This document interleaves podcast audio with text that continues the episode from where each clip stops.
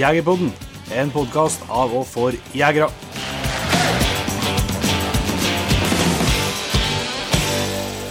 Hjertelig velkommen til en helt ny episode av Jegerpodden. I dag spilles det inn på kjøkkenbordet til farmor. Ja, her har vi ikke spilt inn podkast før. Nei, det må- det er en av de få plassene. det er trivelig å ha fått eh, farmor diska opp med lapper og tjukkbrød og trollkrem. Og... Ja, Det er ikke noe farlig å komme hit. Det er ikke det ikke blir kaloriunderskudd i dag. det. Det ikke. det blir sånn. Vi jakter på to forskjellige plasser, så må vi treffes på helgen. Ja, det er det. Eh, I dagens episode så skal vi eh, først ha litt oppsummering av elgjakta så langt. Det er jo et eh, stort høydepunkt i livene våre, så åpenbart. Yep. Og så eh, hovedtyngden da, er en prat vi har hatt med en kar som heter Bjørnar Ytterhus. Som er en av eh, ekspertene i Norge på det med CVD eller skrantesjuke. Mm.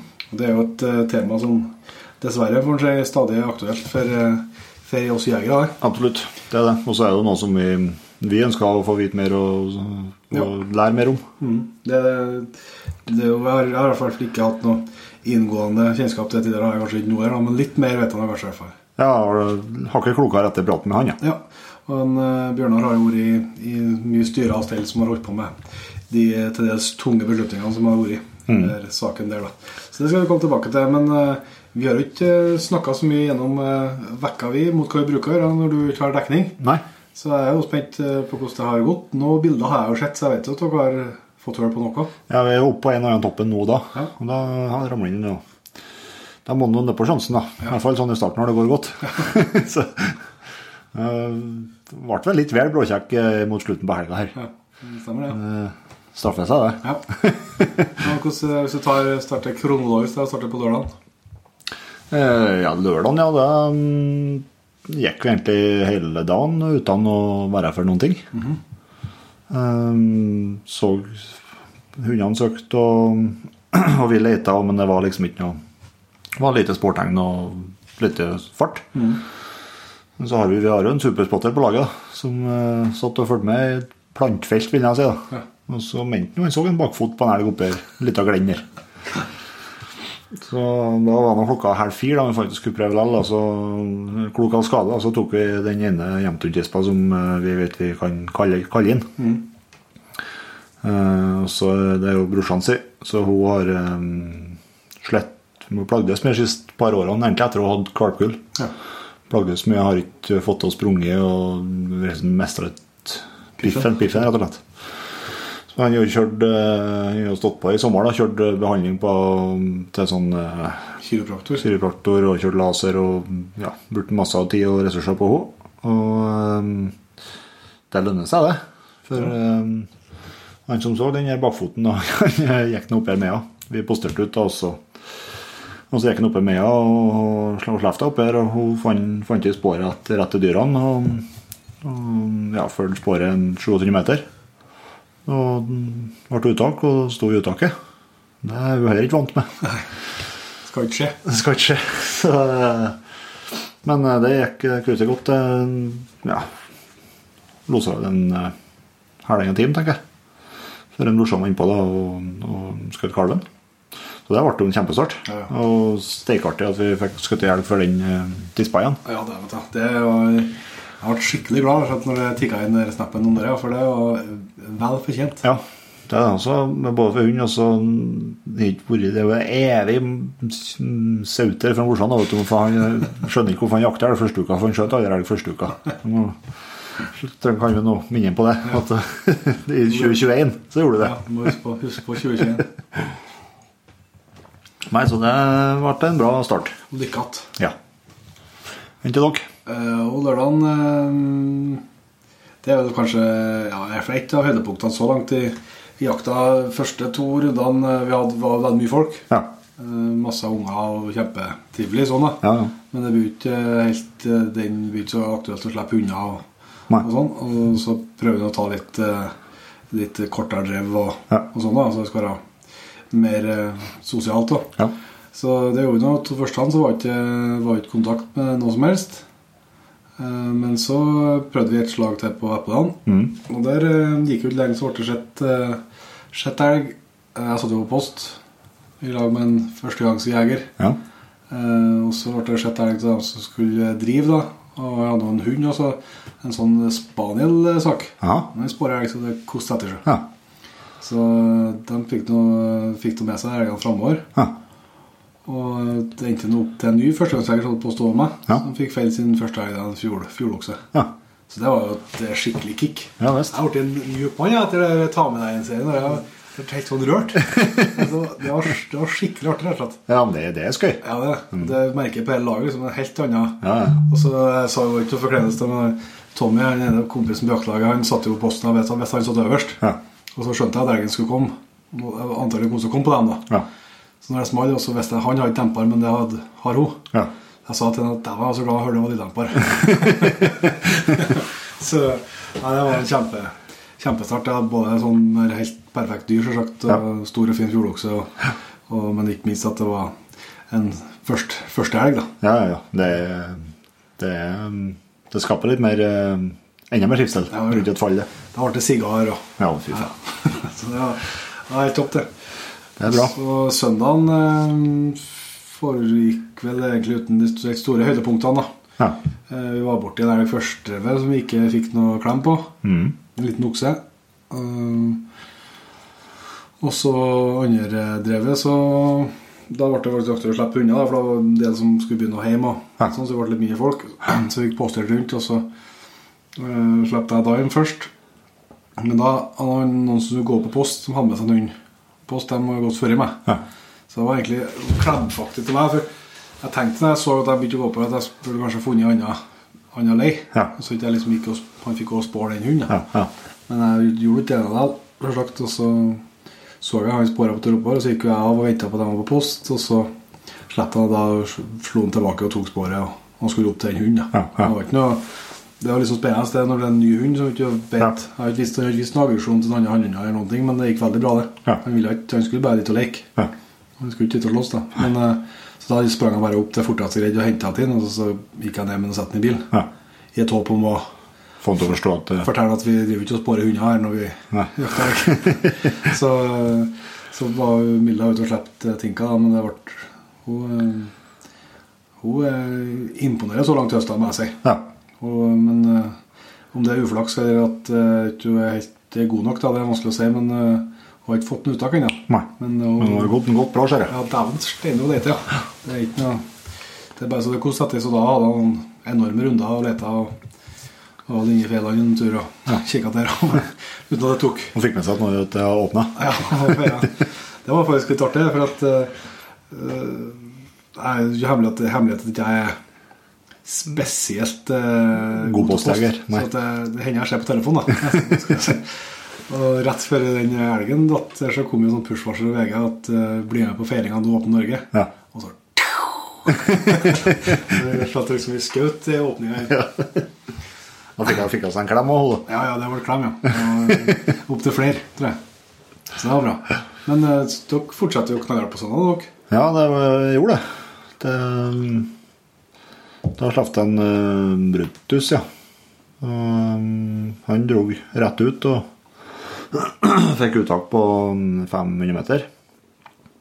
Og tydelig glad for å finne elg etter, uh, etter mange slipp uh, både hjemme og i, i Sverige sammen med dere uten å, å ha noe uttak. Så han fant seg, fant seg en elg der og drog til og lå jevnt på godt over 100 lostakt i starten der.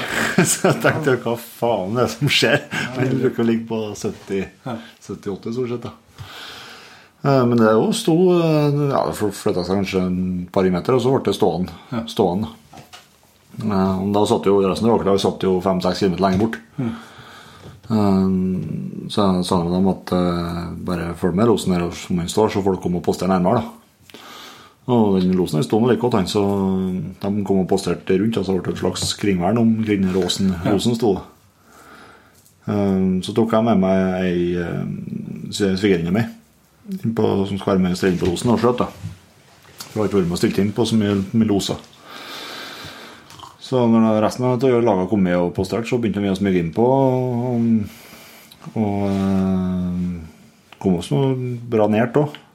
Tror de ble var oss en par turer. Det seg, det er vanskelig å se når det flytter seg bare sånn Ja. 10-20 meter. Ja. Om det er Det er jaging, eller om det Ja. er Men så begynte vi å nærme oss, da, og så ble det bare at det kom, at det kom liksom litt imot oss. da. 10-20 meter imot oss. Så fikk jeg se at det var en kalv der i losen. Og så snur jeg meg bak til henne og så, og så sier jeg at eh, det er skjøtbart skjøtbart her, så det, det er bare å kom- komme fram, og så skal vi få, se om vi finner Glenn. Ja. Men da hun syntes det var så spennende så vet at hun sto der over selv Hun syntes det var så spennende, så hun sa nei, hun klarte ikke skjøte noe. nei. Så, så, og det er jo bra at de, at de sier rett ut. Ja. Um, og så gikk jeg fram litt og fikk jeg Glenn på den. Det var, da var det bare en, en kalv. da. Ja. Da har jeg akkurat fått melding til brorsan om at han satt på post på uttaket. Han lurte seg dit, og han der gikk ei ku og gikk og grynta. Ja. Så det er sikkert skjær- skjært i uttaket eller noe. Ja. Så håper jeg bare at det ikke blir en, en ny karsk, som den gamle var. Men da fikk- fikk jeg jækla fin Glenn på den. Jeg sto på en 20 meter bare og sto og kikka på meg kalven. Men hun hunden dansa så hjertelig framom, og, og så vurderte jeg til at det, den her kalven får nok til uansett, så jeg orker ikke å ta noen sjanse. Nei. Så jeg lot den gå, da. Og fikk en ny sjanse mm, rett nedom. Da var det en 70-80 meter, tenker jeg. Men da, hadde jeg noe, da sto jeg, og så hadde jeg noe anlegg eller noen ting. Nei. Da var det jo ikke skjøt da. Jeg prøvde å lure meg fram til en stubbe, men da syntes jeg ble litt for skummel, den kalven. Det skjønner jeg godt. Så da eh, tok jeg litt løs, da. Flytt, ja, sprang noen par meter. Og så rett på en post, da, så han skjøt den opp på sju-åtte meter. Ja. Det ble noen to og en los, to halv timers los av det òg. Så um, da, da begynte vi å Da ble vi litt vel rakrygga. to uttak og to ståloser i uttaket og to tredjedeler av kvota i bakkene. Det var artig så jævla. Dere begynte å ringe oppsynet om vi ikke kan an få tilleggsdyr. For da har vi bare en okse igjen og, og forskjellig. da. Det er fort gjort. Ja, nei, det var bra. Det var hjertelig god start. Artig å få Artig at Brutus fant seg en elv og fikk avslutte den. ja. Klart det. Ja, på mandag har vi litt uh, mer fart igjen. eh, Ja, da har vi uh, Det ble smalt og datt en elg. be- Da skulle egentlig en, en gjeng stilljakt innover en dal. Og så eh, ble det Jeg skytte sammen en båt over, eh, over et vann. Og så går vi ut på den samme plassen som jeg gikk ut jeg skjøt bra storoksen for Eiko. Ja. Så det har jo litt som forventninger når du tar den båtturen der. igjen. Da skulle Vegard slippe uh, Vegard slippe Darm der, da. Uh, og, men jeg hørte jo bare var han bare akkurat å komme i land. Jeg båten på den sida, så hørte jeg small fra resten av gjengen. da Ja. Og da ble det liggende da Ja. Så de eh, begynte på med den og koke kaffe. Og, Ja. men jeg skulle liksom gå tilbake mot dem Ja. uansett. Da, så ville jeg ta, ta slaget der. Og De gjorde seg først en jævla fin runde og kom tilbake. Og så Jævlig glad i skogen. Det er sånn, ja, styggere til å treffe. liksom Ja, ja. Lyser opp av glede hver gang det. Ja.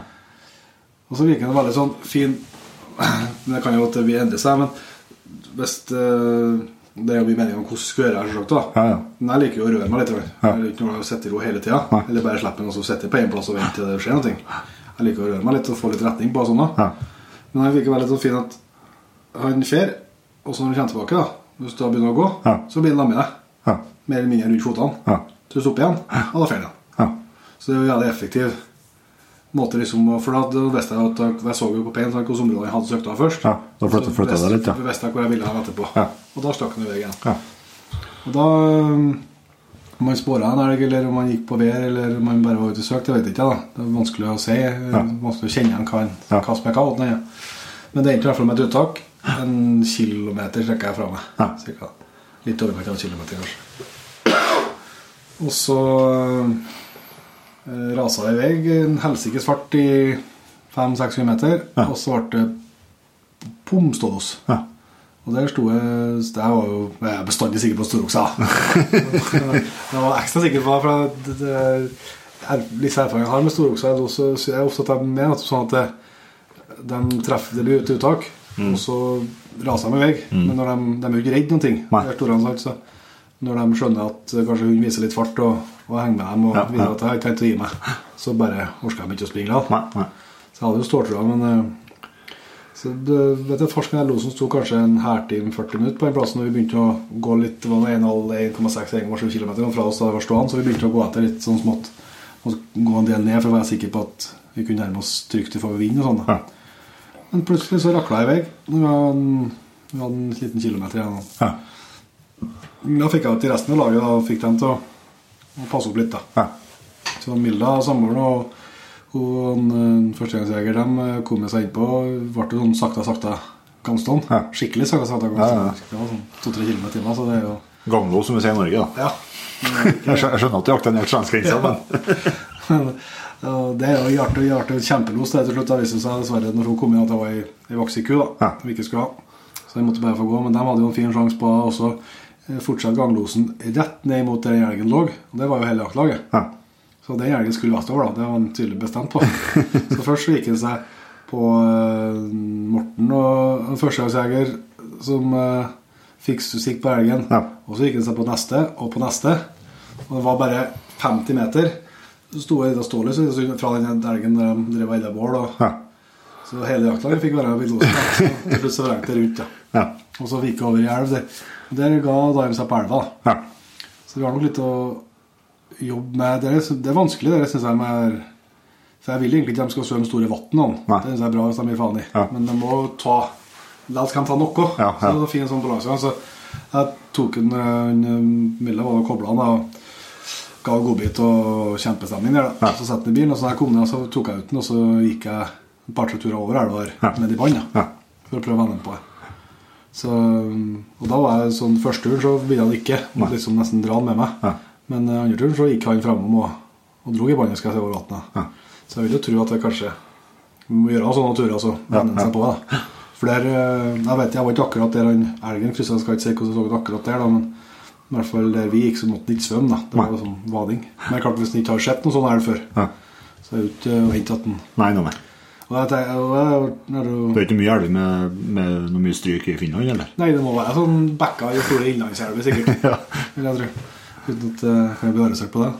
Så, men jeg tenker at det viser noe at det er litt tau på den. da. Ja. At det ikke blir helt svart Ja, eh, ja. når det er los. Og det syns jeg setter pris på. At han Ja. kan se at noe kan være farlig. Ja. Liksom. ja. Men jeg håper at han sånn elver som dere, så håper jeg at han i fortsettelsen tar, da. For da har vi jo en del av terrenget. Så det, Så har jo sikkert med hvor mye kontakt og sånn han har med elgen, om han Ja. ligger litt etter, eller? ja, det kan jo være et tilfelle. Det var los rett helt inn på elva her, så jeg Ja. det var ganske bra kontakt. Ja. Ja. Og han har sprunget fram og tilbake frem og tilbake og leta og liksom prøvd å finne ut av det. Mm. Så vi får da vel ta noe Jeg valgte noe overskolen, så det holdt i hvert fall. Så vil kunne- Men at det var komisk, jeg nå skal vi, det skulle være artig, sant? og jeg skreit, ta noe greier, og så kjente jeg plumpa over, vet du, og det rant vann ned i begge. Men da kunne ikke jeg begynne å bannes og så jeg måtte jo bare holde humøret opp. Så jeg tenkte han skulle merke noe. Så det var Men jeg skal tåle å være blød på for hvis han krysser elv neste gang. ja. Det er bra prioritering. Ja, det er sånn. Men eh, etter det har det vel på begge kanter vært litt, litt mer eh, stille og rolig, eller? Ja, det gjorde det, altså. Vi, har, eh, vi leter jo etter en okse, vi nå. Det har vi ennå ikke sett. Eh, Så det er mindre elg i år, da. I forhold til hva vi er vant med oppi der den første veka. Ja. Eh, Vi har jo sånn, en sånn kjempedag i en ordentlig fjelldal der. Der var vi ikke skjedd noe mye i år. Hadde ku og kalv vi skutt i. Og så har vi vært for ei ku og kalv til. Og så har vi vært i, i, i singelku, ja. Så en Brutus har vi tak på. Eh, som ikke sto. Eh, bortsett fra det så har det vært stilt og rolig, altså. Det har det I dag har vi hatt en sånn familiedag. da. Vi, har hatt med, vi er jo seks jegere, og så i dag har vi med fire unger. da. Ja. Så fikk med i dag, så da ble det litt drev, drevjakt og, og sånt. da. Men det funka nå, det. Vi fikk fram to kviger på, på post. Så, um, så vi har hatt bra skuddsjanser men uh, mangler elg med gevir. Ja. Ja, det, var, det var et høydepunkt som jeg glemte å fortelle om fra lørdag. nå med- Da hadde vi med Brage, gutten min. da. Ja. Ja, jeg var med og gikk sammen med jeg to første øvene. det var jo Kjempeunderholdning, vet du. Ja, ja. Og seg, og, og da, da lot vi bråke og prate litt og, Ja, ja. og drive uansett, liksom. Så Ja, ja. det var bare bra om elgen stikker. Ja, ja. Så, og så på siste revet, da, der, der det ble skutt i den fjordoksen, så var han med på post i dag og bilde. Ja. Og da kom jo ku og kalv på dem. Ja. Han var på ti meter, vet du. Ja, ja. Så jeg var litt usemang for at det ikke ble, eh, vi ikke skulle ha den kalven. da. Men, ja. men det var noe kjempeopplevelse. Ja, ja. Det er rart, det er, det er jo like han sjøl òg. Hvor mange du ser en elg, og det har han gjort sånn utallige ganger sett elg på økra. Og, Ja, ja. og Men det er noe med det når du får- ei jaktsituasjon. Ja, det er liksom helt ja. opplevelse. Så jeg var, og Gild, så han skulle ha klar beskjed om at han skulle være med til helga. Ja. Så det var bare, bare å møte opp det Ja, han var litt dussemang, eh, junioren min, da jeg kjørte den tilbake i ettermiddag. Ja. jeg tror han tenkte seg å være med mer. Ja, det er bra. Det blir sjanser. Det gjør det. Nei, så vi, vi begynner å Vi har jo fått prega valpen eh, brukbart, da. Vi hadde med henne inn på, på det fallet når vi skjøt fra en Brutus. Og spåra 300 meter før. Ja. Og inn på fallet og var selvsagt Hun er jo litt sånn skeptisk type. Litt, mer, litt vel bålkolle ennå. Så jeg prøver å få henne litt mer over på jevntungengenene nå. Men uh, til den, for jeg, vi hadde ut elg i dag. Når jeg gikk med bånd. Ja. Og da spåra jeg som faen. Ja. Og kjempeivrig. Og så jeg tror jeg har fått uh, Jeg har fått uh, spira noe greier inni henne. Ja. Ja, ja, det er bra. Jeg har ikke hatt reks Rex på fallene. ennå. Først fallet så var noe så mye annet, så så var det en del hunder her og sånn. Ja, ja. Så jeg skal jo få det, men jeg er litt grei på å vente til, til at uh, den har, har god tid. Og, Ja, og så kan styre litt sjøl. Ja.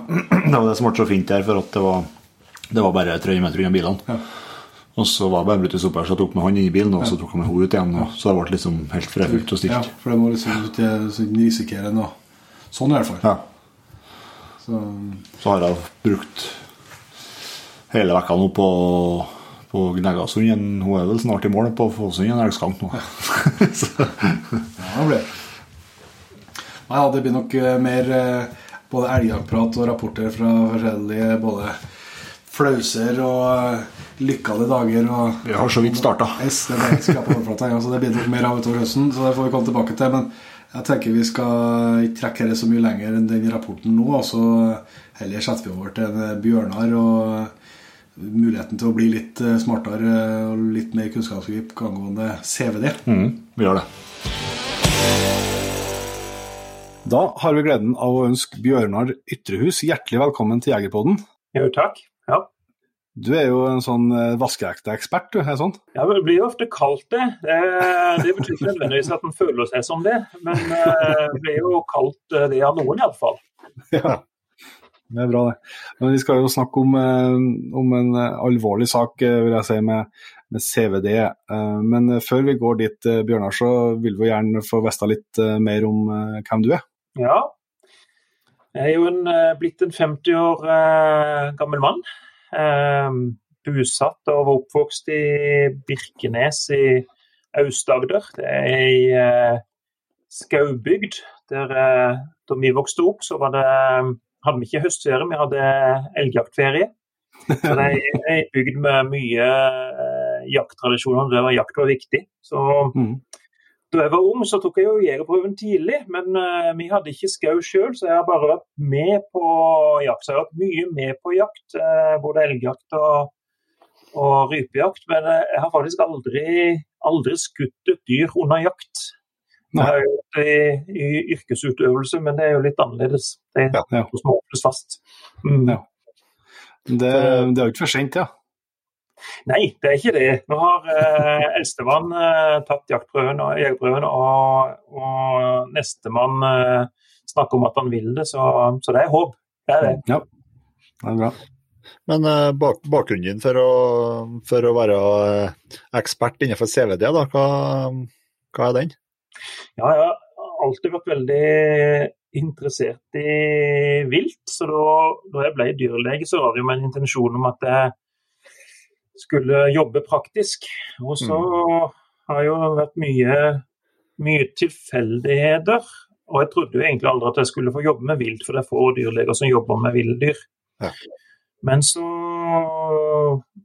Litt av tilfeldigheter så ble jeg patolog, altså driver med obduksjon og finne dødsårsaken til dyr og finne ut av sammenhenger mellom, mellom sykdom og, og øh, hvordan kroppen reagerer osv.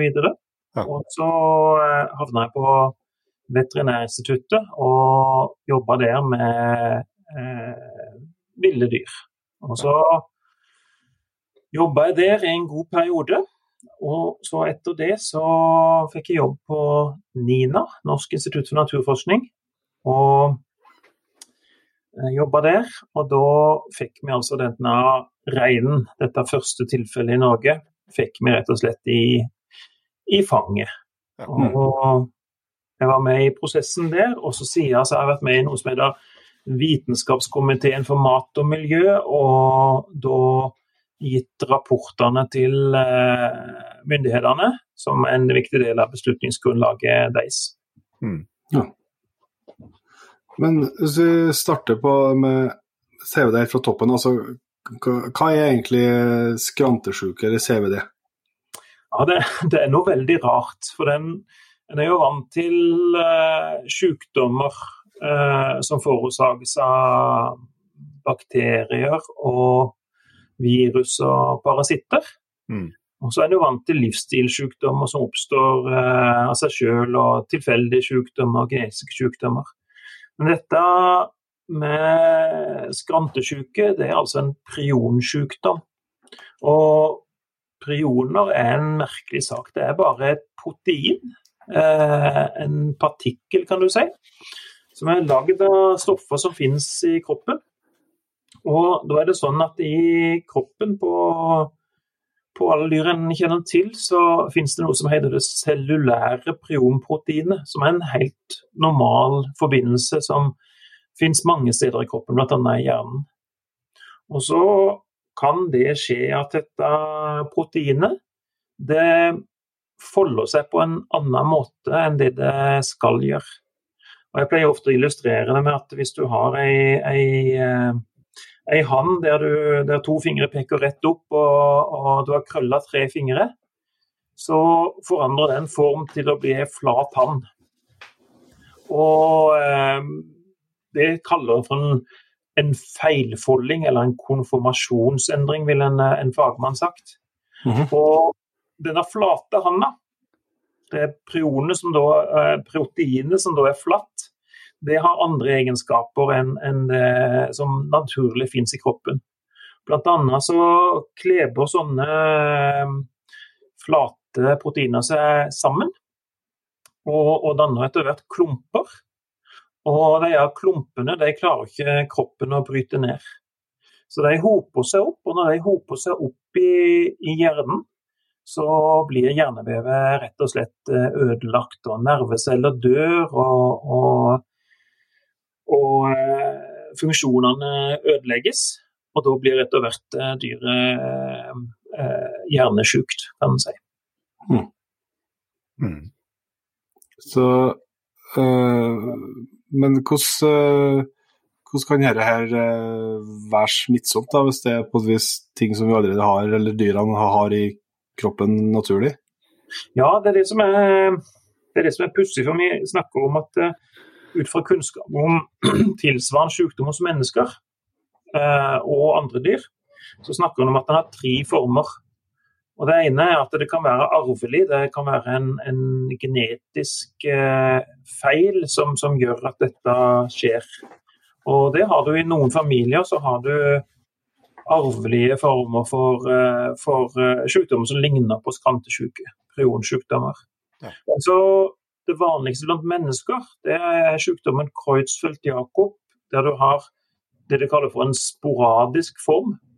Det, vil, det, betyr at den bare skjer nå og da. Eh, og en tenker seg at det skjer helt spontant hos uh, noen mennesker, uten at en har klart å finne noen årsak til det. Og over hele verden så er det sånn at eh, en har én til to mennesker per million innbyggere per år som får denne sykdommen.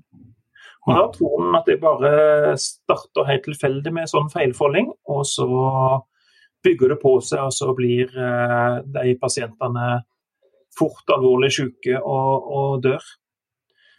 Men så på, på, sau så har han jo hatt en, en sykdom som en lenge visste at var smittsom. Den var beskrevet allerede på 1700-tallet i Storbritannia, som heter skrapesjuke, eller scrapy. Og um, den, den smitter jo fra sau til sau. Det, det forsto de ganske fort, men en skjønte ikke hva det skyldtes. Og Da trodde en jo lenge at dette var et virus, men en klarte ikke å finne noe virus i, i hjernen til de affiserte sauene. Og Da fant en etter hvert ut at dette òg var en sånn prionsykdom, men at her så ble prionet skilt ut fra dyra i neseslim, i urin og i avføring, og det finnes i ganske mange vev i kroppen. Og så kan eh, nye dyr ta, ta, opp dette prionet, og så blir det tatt opp i immunsystemet og kommer seg etter hvert inn i hjernen, og så blir de òg syke. Så da har altså tre former for sykdom. Det er den genetiske, og det er den eh, sporadiske, som opptrår eh, spontant. Og så har vi den smittsomme, som da er Typiske eksempler er jo skrapesjuke på sau. Og så har vi skrantesjuka på eh, hjortedyr. Og så har vi jo denne kugalskapen da, som blir litt sånn en, en mellomting. For der, eh, der, er det litt spesielt, for der tror en at de ble smitta ved at de har fått eh, kjøttbeinmel eh, som har inneholdt eh, hjernemasse fra eh, sjuke dyr i fôret. Så det var på en måte en form for kannibalisme Ja, okay. som gjorde at du fikk denne kugalskapen. Mm. Men så oppdager en jo det at eh, denne kugalskapen den kan smitte fra kyr til mennesker eh, med kjøtt. Så en har noen få tilfeller, en, en eh, 200-300 av, av denne sykdommen hos mennesker òg. Mm. Så em, ja, det, det er komplisert og det er litt sånn uh, underlig. Og vi vet jo ikke hvorfor det skjer. Uh, og vi vet heller ikke hvordan de smittsomme prionene egentlig oppstår. Om det, om det kan oppstå fra, fra uh, genetiske eh, syke individer eller eh, sånne sporadisk syke individer. En har jo en, en, eh, en historie som jeg, som jeg, ofte grubler på i den sammenheng. Det er at i, på Ny-Guinea eh, etter andre verdenskrig så, så eh, så han at det var en, en spesiell sykdom hos ei stamme som eh, bodde oppe i fjellene i Ny-Guinea. Og, og eh, en trodde jo dette var genetisk, eller en trodde det hadde noe med et eh, mangelfullt kosthold å gjøre. Men så fant en etter hvert ut at dette var en smittsom sykdom. Og måten det smitta på, mente en, det var at denne stamma hadde et sånn begravelsesritual. Eh, der eh, når, det, når en slektning døde, så hadde det en fest etterpå på slektningen, der eh, spesielt kvinner og barn de spiste hjernen til eh, slektningen sin. Og når de spiste hjerne, så Og denne personen hadde hatt eh, en sykdom som de da kalte kure, så kunne de òg bli smitta. Og det en tror nå, det er at eh, kanskje det første tilfellet av kure, det var et menneske som hadde denne sporadiske formen av Kreutzfeldt-Jakob. Og så spiste han hjernen til vedkommende. Og så var det nye individer som ble syke. Og så ble de sin hjerne spist, og så ble det et utbrudd av sykdom på den måten der. Men det er jo en veldig spesiell måte å overføre sykdommen opp på, da. Ja, det må vi si. Ja. Men kugalskapen blir jo kanskje litt av det samme, da.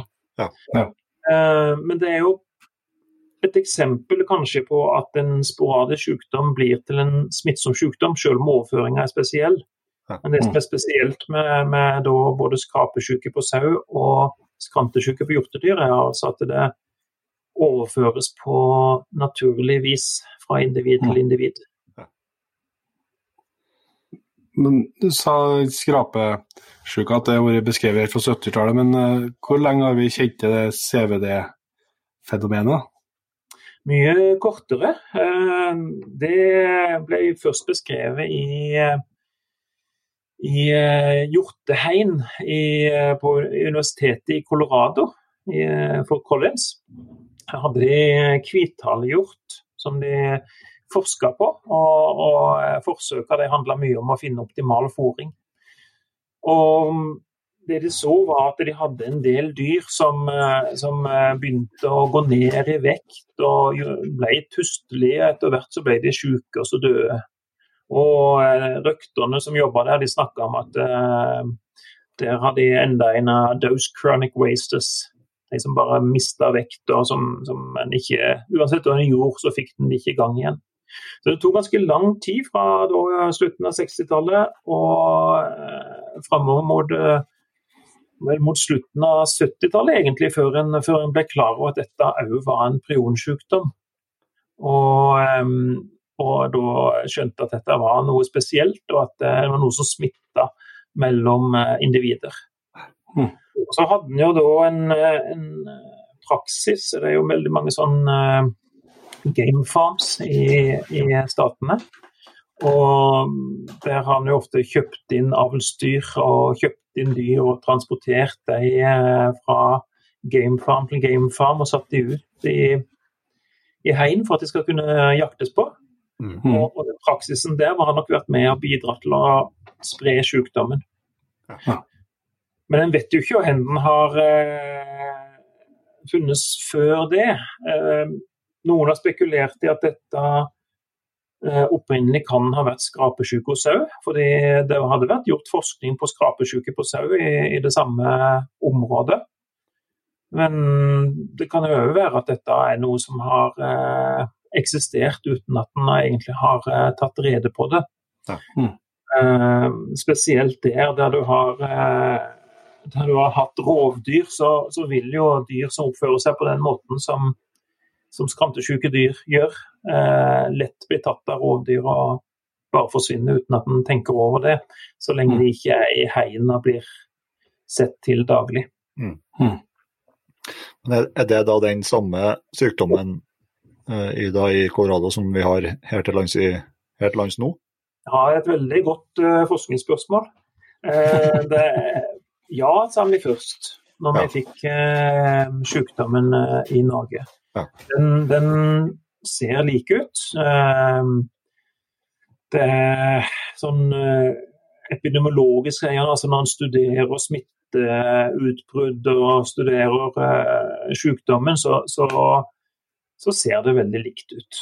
Ehm, de få dyra som er observert, det er egentlig bare ett dyr vi har observert som var sikkert eh, infisert, men vi har òg en observasjon av et annet dyr som, som, oppførte seg akkurat sånn som eh, dyra i Nord-Amerika gjør når de er syke. Ehm, det er jo likt sånn som det en ser i Nord-Amerika.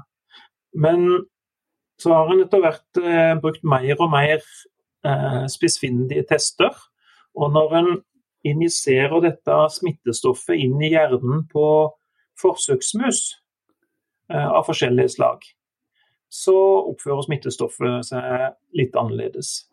Så da blir eh, eh, obduksjonsbildet og symptombildet og laboratorietestene som da utføres på de musa, de viser at dette er litt forskjellig.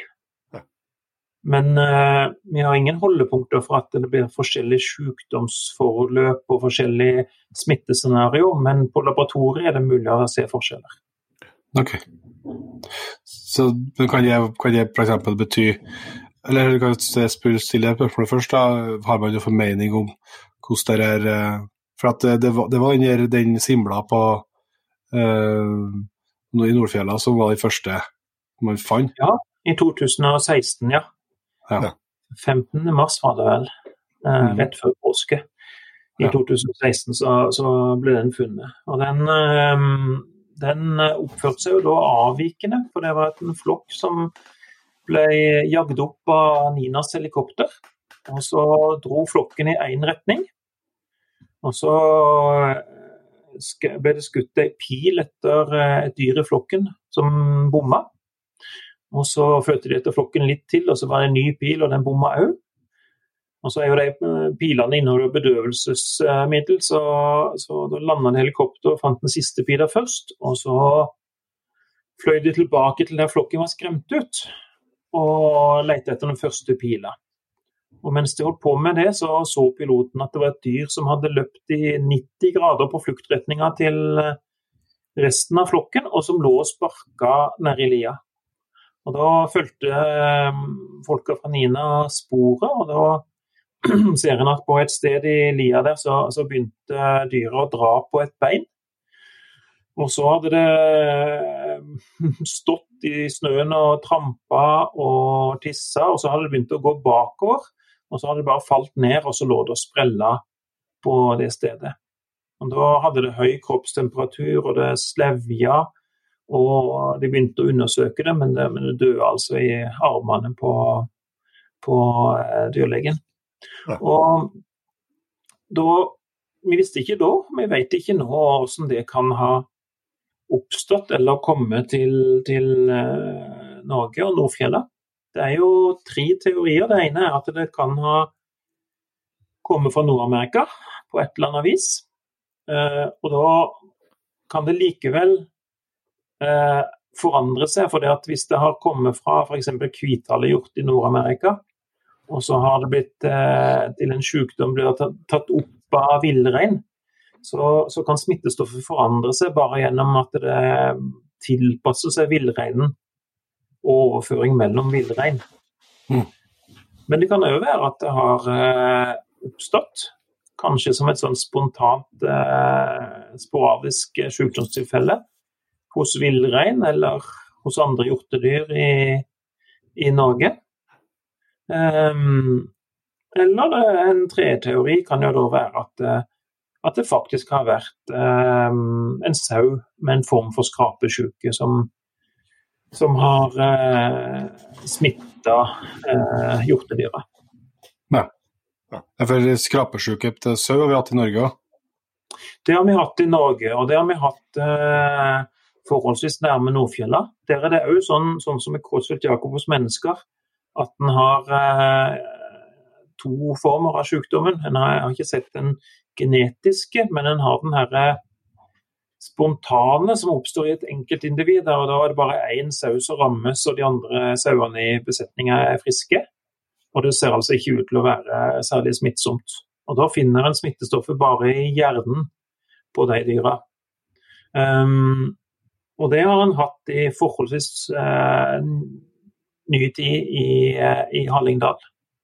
Um, denne smittsomme formen for skrapesjuke, der en gjerne har flere dyr i samme besetning som har det, og der en finner smittestoffet ikke bare i hjernen på dyra, men òg ute i kroppen og i lymfeknutene. Um, den er det lenger siden har uh, vært i, i, Norge. Og vi vet ikke sikkert at det har vært uh, tilfeller i Nordfjella, men det har jo vært tilfeller f.eks. i, i Voss. Uh, så det er jo ikke utenkelig at det har vært dyr i Nordfjella som kan ha vært smitta. Men begge de ja, formene for sykdom kan for så vidt tenkes å være um, en, en, kilde til, til prioner som, som hjortedyr har blitt eksponert for. Um, vi vet jo det at uh,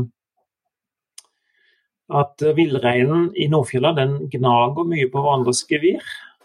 Vi vet ikke hvorfor, men vi vet at den gjør det. Og når den gnager gevir, så er det jo òg tenkelig at de gnager på en, en, skalle, om det er en sau som, som har skrapesjuke, eller om det er en villrein som har en, et tilfelle av sånn spontan, sporadisk sykdom, eller kanskje til og med en elg. Det, det, er jo ikke så godt å si, men om de kan ha gnagd i seg hjernematerialet fra, fra, det dyret, og, og, og dermed blitt uh, smitta. At det er sånn vi har hatt et første tilfelle. Det er jo en uh, mulighet, men jeg tror aldri vi blir i stand til å si at om det er sånn eller på en annen måte har skjedd. Nei. Men man vet at uh, den, den, formen for CVD da, som Mulig du aldri har solgt på det, men bare så til meg skjønner uh, Man vet at den formen for COD som man fant i, i Nordfjella, at det var en smittsom variant? Ja, så det, det, det, er jo da spesielt to ting som, som taler for det. Det ene, ene, er det at i de dyra som har vært smitta, så, så finner du smittestoffet ikke bare i hjernen, men òg ute i lymfeknutene. Faktisk er det sånn at På halvparten av dyra så finner en det bare i lymfeknutene. Og Da tenker en at en har funnet det dyret ganske tidlig i sykdommen. Nå varer jo sykdommen, eller infeksjonen varer i, i mange måneder, kanskje år, før, før den slår ut. så, så tidlig vil jeg ikke si. Ja, vi snakker ikke om dager og, eller uker her, men altså in, likevel i en tidlig fase av sykdommen. Um, det andre eh, punktet en må nevne da, er jo det at uh, i Nordfjella så fant vi jo faktisk 19 dyr. Ja. Mm. Og, og, det er jo ikke så mange av, av over 2000. Men, men like fullt så, så, tyder jo det på at det har vært et utbrudd der. Når vi finner 19 dyr der, og så Ja, inntil i fjor så var det jo ingen eh, noe annet sted. Eh, ingen rein noe annet sted. Så det tyder jo veldig på en eh, smittsom sykdom. Ja. Mm. Og så ser vi jo på, Når vi ser hvilke dyr som eh, ble ramma i Nordfjella, så stemmer det veldig godt med bildet i Nord-Amerika. At eh, jo eldre dyra er, jo større sjanse har de for å plukke opp smittestoffet og få sykdommen. Og um, rett og slett fordi at de har hatt lengre tid på å plukke opp smittestoffet. Og det at bukkene har større forekomst av sykdommen enn uh, en hodyra. Og sånn er det hos hvithalehjort og muldhjort òg. Vi, vi, har, vi har jo lest litt, prøvd å leste oss opp litt på forhånd her. og den, den, sykdommen som da er på rein, uh, som, som, som, man har funnet på rein, er det Man snakker jo om klassisk CVD og atypisk CVD. Mm. Er, det, er, det, den klassiske CVD-en som er på rein, mens man har atypisk på elg og hjort? Ja, altså det ser sånn ut. Og, ja. og eh, hos rein så er det altså da eh, jeg husker ikke gjennomsnittsalder, men det er altså dyr i normal alder, eh, kan du si. Mens eh, hos elg og hjort, eh, så, så, er det gamle dyr. Mm. Og da har det òg vært eh, hoer. Eh, koll og ku. Mm. Eh, og de har jo vært 13-14 eh, år. Og da har en bare funnet smittestoffet i hjernen med de metodene en har brukt hittil. Ja. Mm. Nei, altså er det det at man har funnet smittestoffet kun i hjernen som gjør at man kaller det atypisk? Ja, det, det at det kun i hjernen, og så er det litt med hen i hjernen det. Eh, okay. Man ser på forskjellige deler av hjernen, og forskjellige prionsykdommer. De, de, der finnes prionen i forskjellige deler av hjernen. Så en får liksom en sånn profil ut fra eh, hvilke vev i hjernen som er ramma. Så med den, den kan kalle klassisk skrantesjuke, eller smittsom skrantesjuke om en vil. Eh, så, så, finner en det eh, i hjernestammen, eh, like under lillehjernen. I, i, i, et senter der, en kjerne. Spesielt i første del av sykdommen. Så brer det seg litt ut etter hvert som, som dyret blir dårligere. Men det er de områdene som rammes først og mest tydelig. Mens med den atypiske hos elg og hos hjort, så, så har en et annet bilde. Så har han jo hatt de museforsøkene, og da ser en jo til og med det at, eh, at forskjellige syke elger de har litt forskjellige prioner. Så, um, ja. så det, så det, kan, det kan, kan gi tyd på at det er større sjanse for at det er litt sånn som det er i Creufeldt-syndromet, altså at det spontant uh, oppstår i ja, spontant opptatt i de individene? Ja, det kan tyde på det. Og det ser vi jo på at elgene har jo vært ganske vidt spredt. Uh. Selv om jeg, det ser jo ut som, som, uh, som Trøndelag har hatt uh, en liten sånn samling likevel. Mm. Og i, og, i, Sverige har en òg litt samling, men, men allikevel forholdsvis spredt og forholdsvis få dyr og gamle dyr. Mm. Så, så, det tyder vel på at det kan være mer en sånn eh, spontan, sporadisk karakter som oppstår i et enkeltdyr. Og hvis eh, ingen gjør noe spesielt med det dyret, så dør sykdommen ut med det. Hmm. Men eh, man har, har gjort tester på rein og elg og hjort, men eh, hvorfor, ikke, hvorfor, har man ikke undersøkt noe med dere har da, med, omkring rådyr? Jeg hadde undersøkt litt rådyr, men det har jo vært mer basert på eh, frivillighet og frivillig innsending. Okay. Så, så en har ikke funnet det på eh, rådyr. Um, grunnen til at det ikke er gjort, det er nok mest at det er litt sånn praktisk vanskelig, i og med at eh, rovdyrjakta er såpass mye mindre, mindre organisert enn eh, en elgjakt og hjortejakt og, og for så vidt reinsjakt og ikke minst tamreinslakting. Så um, Men har, men har man noe, har man noe, har man noe indikasjon på at, eh, at man burde ha gjort det? At, at det kan være like aktuelt på rådyr som på, på hjort og elg? Nei, en har egentlig ikke det. For det, det er ingen andre som har beskrevet at det er funnet på rådyr. Um, og så er det jo så komplisert at genetikken til dyra spiller inn uh, her. Og, og mens det hos, uh, hos uh, villrein så finnes det flere ulike genvarianter som da gir ulik mottagelighet for prionsykdom. Men hos rådyr så finnes det bare én eneste variant. Så, så kanskje kan en tenke at eh, rådyra er mer eh, motstandsdyktige, men vi, vi, vet det jo ikke. Og det er klart at eh, Ideelt sett så skulle det vært undersøkt like mange rådyr som, som eh, elg og hjort. Men det blir altså litt opp til den enkelte å, å sende inn prøve. Ja. Men vil jeg si altså at sånn PT, da, så er dere som er fagfolk på feltet, er dere mer bekymra for, for rein da, enn for hjort og elg? Ja, mye mer. Eh, vi, vi er jo faktisk veldig bekymra for eh, reinen. Mm. Mens det, det som skjer på hjort og elg, er jo um, sånn, sånn forskningsmessig, vitenskapelig sett, er det jo veldig interessant. Mm. Men uh, foreløpig iallfall så, så tenker vi kanskje at det ikke er noen det er ikke noe fare for bestanden. Nei. Nei. Og det er, og det er litt pga. at den er ikke smittsom. Ja, det er pga. at den ikke er smittsom. Det, det er hovedårsaken, altså. Ja. Mm. Og, og det at det rammer gamle dyr. Ja. Um, Ja. så, så det kan være en sånn gammel elgsjuke.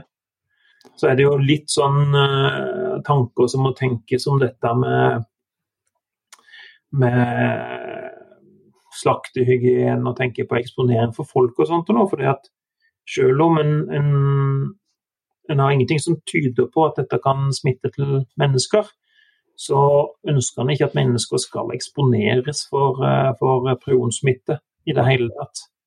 Fordi at eh, det kan jo skje at noen er mottagelige, og så og, En som blir syk, er jo en for mye. Mm. Så, eh, så det, det med elg og, og hjort er jo litt sånn å tenke på der. Men nå er det jo veldig uh, uvanlig at en finner de her uh, dyra. Da. En har jo undersøkt um, veldig mange dyr og funnet relativt få. Ja, for at hvis jeg eh, researchen til Jegerpodden holder nå, så, så var det i overkant av 130 000 eh, som testa som gjennomført, og så er 29 av dem som er positive. Det er på alle, alle Ja. arter, da, skal jeg si. Mm -hmm. uh, Ja, og da, da er det jo ganske få. Da er det jo da er det ni positive utenom villreinen. Så, Ja. så eh, det, er, det er jo veldig få. Sjansen for, Mm. for å treffe en, en eh, CVD-positiv eh, elg eller hjort er veldig liten. Ja, så, Det er jo best å tenke på hvis en, hvis en har noe holdepunkt for at det er et gammelt dyr en har skutt. Det er viktig for deg Inge, at du noterer deg. Du skjøter jo en del gamle elgkyr, så det, det er viktig for deg at du noterer. det vil si at av, av, alle, av alle prøver som er sendt inn av elg og hjort, så er det kun ni totalt i, i hele landet som har, som har hatt positivt. Det som er som på test er positiv. Ja, jeg er litt dårlig til å huske tall, men det, det blir vel det. Eh, Ja. Nå var det jo varsel om en eh, i, i ettene, og da er jeg litt i tvil om det blir nummer ni eller nummer ti. Ja, ja. Ehm, så, så, men den tallet ligger rundt der, ja. ja, ja. Veterinærinstituttet har jo en veldig fin sånn oversiktsside som, som eh, en kan gå inn på. Og, og eh, en kan dele det opp på år, en kan dele det opp på områder og få veldig god oversikt over hvor mange prøver som har kommet inn og hvor mye som er positivt osv. Hmm. ja det, ligger, det ligger mye info ut. Ja, veldig mye. Ja. Men av de eh, 29 positive, da, hvor mange er det som har uh, avgått uh, pga. CVD, eller, altså, eller, eller hatt lidelser som følge av det? Altså, noen er vel bare funnet som følge av at de har skutt på normal jakt, og så har de Ja. funnet ut? Det er vel eh, De elgene i eh, Selbu oppførte seg jo underlig, og det gjorde vel den i Lierne òg til en viss grad. Og en del av de elgene på Østlandet har jo òg vært eh, eh, oppført seg rart. Nå er det noen av de som har hatt eh, andre sykdommer i tillegg. Eh, elgen på, en av de hadde vel bl.a. denne silbeinsvulsten som, som elg kan få, med sånn en slags kreft som er i, i eh, nesehula, som kan gå inn i, i hjernen. Ja. Så, så den hadde jo flere grunner til å oppføre seg rart. Um, blant reinen så, så er det jo bare um, den ene i dette antallet som, som, mm. som da viste sykdom. Ja. Når det er sagt, så er det ikke sikkert det er så lett for oss å, å, å eh, ta ut et dyr som, uh, som er sykt, selv om dyret selv opplever at det er sykt. Ja. Eh, Fordi de er ofte dyktige til å skjule sykdom, og det kan jo være at de er litt oppskremt når vi ser det, og da vil de i enda større grad kunne, kunne skjule at de har en sånn uh, sykdom. Ja. Mm. Men uh, i Nord-Amerika har en jo sett det at uh, pumaen den eh, tar ut flere dyr som har infeksjon, enn eh, dyr som ikke har infeksjon, sånn Mm. forholdsmessig. Ja. Så, så pumaen er i stand til å spotte de infiserte dyra på et tidligere tidspunkt og ta de ut. Ja, men Det kjenner man jo fra, fra, fra jakthundmiljøet. altså at uh, Selv om det ikke trenger å være blod heller, så, så klarer jo hundene å finne ut om et dyr er svekka eller ikke. Og Ja. vil gjerne holde på med det dyret som er svekka. Ja, den ligger nok i det. Ja. Mm. Her er interessant, altså, men eh, da er jeg altså, for å oppsummere litt på, eh, på det, så er det altså um, en um, atypisk eh, som jeg har funnet på, på elg og hjort, som vi- jeg ikke mener er, smittsom. Eh, og de har vært liksom likhetene, vært likheter mellom individene der i stor grad med eh, voksne eller gamle dyr. Eh, sånn at eh, eh, altså, for at, altså, det er som med oss folk, så skal jo gamle elger og gamle mennesker vi dør nå. Eh, så det, er også, så det, det kan ha avgått pga. det, men det kan jo være andre, andre årsaker som, som gjør at de blir, eh, at de blir syke og til slutt dør. da. Mm. Det hos villrein er jo da noe annet. Så det var jo et Ja, ja, altså, da, da det ble oppdaga i 2016, så, så ble det jo faktisk oppdaga uavhengig av hverandre. Eh, ifølge Mm. de som fant det på, på elgen. Eh, det var rett og slett eh, et tilfeldig funn, eh, begge deler. Mm. Og, så, så det er jo helt utrolig.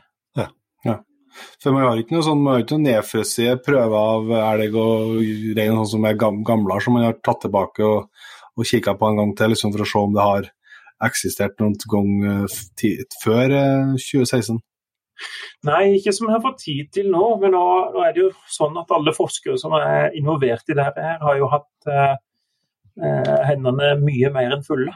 Ja, Eh, så det å grave i arkiver har ikke vært eh, første prioritet. Nei, nei. Men svenskene har jo faktisk tenkt en del på det. Der er ei forskergruppe som, eh, som har eh, tatt opp igjen materiale fra Elvsborgsjukan, som var en sånn eh, en, kalte jo til og med 'moose wasting syndrome', altså at eh, en hadde elg som, som gikk ned i vekt og, og fikk dårlig kondisjon uten at en visste hva som, eh, hva som egentlig skjedde. Um, og der er det jo en del som har begynt å tenke på om det faktisk kunne være en form for CVD. CVD. Men eh, Bjørnar, hvorfor er det sånn at det er bare noen kommuner nå som vi skal levere prøver som det skal leveres prøver fra, fra ordinær jakt skal si, på hjort og elg? Det er jo rett og slett det at en, en må jo bare ta et utvalg. og så, så har en, eh, Nina har da eh, valgt ut noen kommuner, eh, sånn at en får et eh, representativt utvalg av kommunene. Og det er jo for å, for å eh, klare dette arbeidsmessig og innsamlingsmessig, så er det er lurt å fokusere litt. Um, men samtidig så er det vel fortsatt sånn at har du lyst til å sende inn prøve, så, så er, det, er, det, gratis. Det er bare å sende inn, så får en det analysert på, på samme vis som en gjør i de kommunene der en eh, samler inn. Ja. Så hvis Petter tar feil og skjøt ei fjordku på 15 år, så kan det være lurt da? ja, da, da kan det være greit, altså. Kanskje Kanskje ikke minst hvis det blir samtalen eh, over eh, elgsteika eller eh, en har lagd, og, og, og, kona begynner å snakke om det. Ja, ja. så, så, er det greit å ha testa. Ja, at man har en grunn til hvorfor man velger å gjøre det. Ja, ja men det er bra. Men eh, hvordan, eh, Du sa jo litt om sykdomsforløpet, men altså for, eh, for oss jegere, da, hva, hva tenker du vi bør være ekstra oppmerksom på hvis vi reagerer på noe? Ja, det, er, det er vanskelig å si. Um, det er nok litt forskjellig fra dyr til dyr òg. Uh, men, men, jeg vil kanskje si at hvis du, hvis du oppfatter et dyr som litt rart, rett og slett Hvis det er noe som ikke helt stemmer, at du har en litt sånn underlig følelse, så skal du stole litt på den følelsen. Og så heller uh, undersøke en gang for mye enn en gang for lite. Uh, og, og, kanskje ta deg tida til å kikke litt nøyere etter hvis du har mulighet til det. Det er klart at En kan se, en kan jo i, i, i framskrevne tilfeller som er skikkelig syke, så vil en jo se at de er dårlig, i dårlig kondisjon. Og, og da begynner en jo å, å ane uråd uansett. Mm. Men uh, i, i, tidlige faser så er det ikke sikkert de er i dårlig kondisjon. Uh, da, da, kan det jo være dyr som beveger seg litt uh, unormalt. en del sier at de, de tisser veldig ofte. Um, de kan slevje, sikle.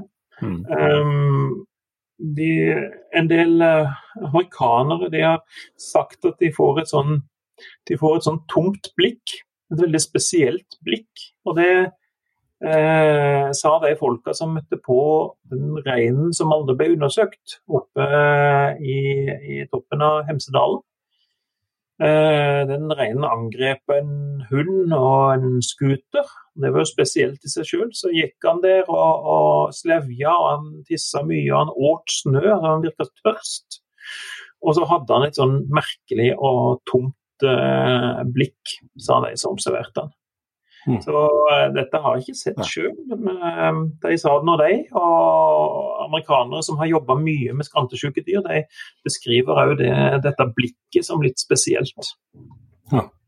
Jeg, jeg, trodde jo at jeg skjøt, jeg skulle skjøte ei som hadde elgku som hadde CVD. Det, når var det første høsten det var sånn testing? Var det 2016? Ja, 2016. Ja en storstilt testing. For da, til første dagen i jakta så fant vi elgku som var holdt på å sprang seg i et fjøs, og det var bare rot med. Ja. Og til slutt så ble det bare liggende. Og da um, kontakta vi nå eh, kommunen da, og fikk eh, tillatelse til, å felle da, i frykt for at det var noe. Nå viste det seg å være, den viste seg å være blind ennå, så det var ikke CV-det. Men eh, veldig merkelig oppførsel da, når den ikke så ja. noe. Den var helt ja. forvirra, stakkars. Ja, og en har jo en del sånne ting som, som er differensialdiagnoser, som en sier. Altså ting som kan se ganske likt ut, men som, som mm. da ikke er eh, skrantesjuke. Og, ja. og, en del eh, elgkyr de, de, blir altså De får stær, de blir blinde av det. Mm. Eh, så har du denne svulsten som jeg snakker om, som silbeinsvulsten, som som da oppstår i nesa, som kan vandre, spre seg inn i, i hjernen, kan gi lignende eh, tegn på sykdom. Og så har du en virussykdom eh, som, eh, som, smitter fra sau. Sauene har et virus som de ikke blir syke av sjøl, og som gir det en kaller for ondarta katarrfeber på, på elg. Den eh, rammer òg hjernen, og kan gi sånne tegn. Og så kan det jo selvfølgelig skje at en får byller i hjernen, og de kan ha skada seg, og de kan ha blitt eh, stanga, og de kan ha eh, blødninger til hjernen, de som, som folk, eh, på, mm. på grunn av, av f.eks. trafikkskader. Ja. Litt over på, på, på villrein igjen. Da er det, der er det fortsatt like mye testing fortsatt, Daniel? Ja, og en, en, en, tester jo, og en, en prøver jo framfor alt å, å, teste nå på Hardangervidda. Ja. Eh, for å få et eh, bedre kunnskapsgrunnlag om, om utbredelsen av skrantesjuke der. Ja. Mm. Det er pga. at det var, var påvist der? I... Ja, der ble det jo påvist ett enkelt tilfelle, en, en uh, bukk på, på Hardangervidda i 2020. Um, som da etter genetisk analyse på Veterinærhøgskolen ser ut til å stamme fra Hardangervidda. Altså har foreldre som òg var en del av Hardangervidda-bestanden. Men den testa altså positivt. Ja. Så det Vi tenker jo at det er mest sannsynlig at det er en spredning av det samme utbruddet som på Nordfjella. Ikke at vi nødvendigvis måtte være sånn at den kommer fra Nordfjella, men at de har samme kilde, iallfall. Mm. Um, men, men uh, det må jo da være en stund siden, for da, da må det jo det, Dette dyret har jo da vært på Hardangervidda hele tida, kan anta. Uh, og må jo da ha blitt smitta på Hardangervidda. Men det var, der var det sånn i lufeknuta og sånn, så det var en av den smittsomme typen? Ja, det var det. Der var det lymfeknutene. Mm. Dessverre. Ja, vi har Uh, men hvis du på Nordfjella, du var jo inne i, inn i der, der, ting ble bestemt og gjort uh, der. Hva, uh, det er jo skjønner at ingen har lyst til å, å treffe så strenge eller store tiltak som det ble gjort der, men hvordan Hvorfor valgte man å gå så hardt til verks på vis? Ja. Nei, altså det eh, Jeg tenker vel fortsatt at det var riktig beslutning.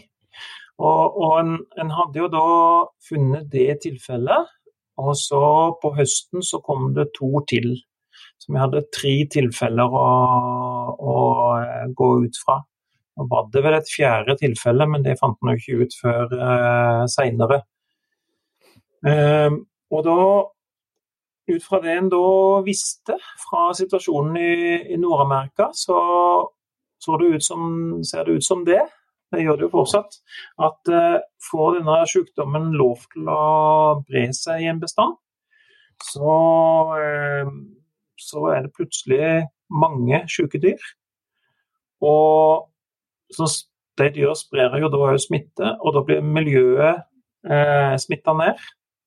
Og så de Prionene de tåler veldig mye, så smitten blir liggende i miljøet. og Da er det fryktelig vanskelig å få bort smitten igjen. Så um, tenkte vi jo det. Uh, at uh, får du denne smitten som sprer seg i Nordfjella, så er det mange kontaktpunkt med hjortebestanden på Vestlandet. Og, og får du det over i de store, kontinuerlige eh, hjortebestandene og elgbestandene, da, da, har du ingen sjanse til å få stoppa det uten å utrydde absolutt alle dyr.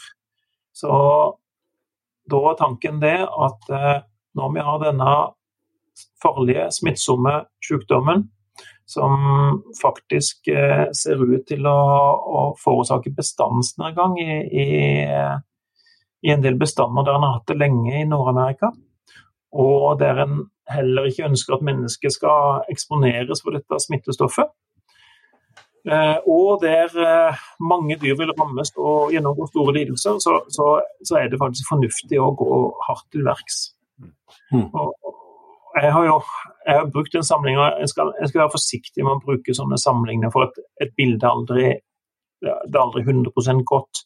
Men, men jeg, jeg, har jo snakka om det at hvis du hvis du er lege og det kommer ei, ei, ei dame til deg eh, og har en klump i brystet, og du tar prøver den klumpen i brystet, og du får som, som eh, svar at dette er ondarta brystkreft, så, så, kan du ikke som lege si at eh, ja, nå venter vi og ser. For er jo, du er jo én pasient, og vi trenger ikke å ta kunnskap fra andre pasienter og overføre til dem. Vi må bare se hvordan det går med det.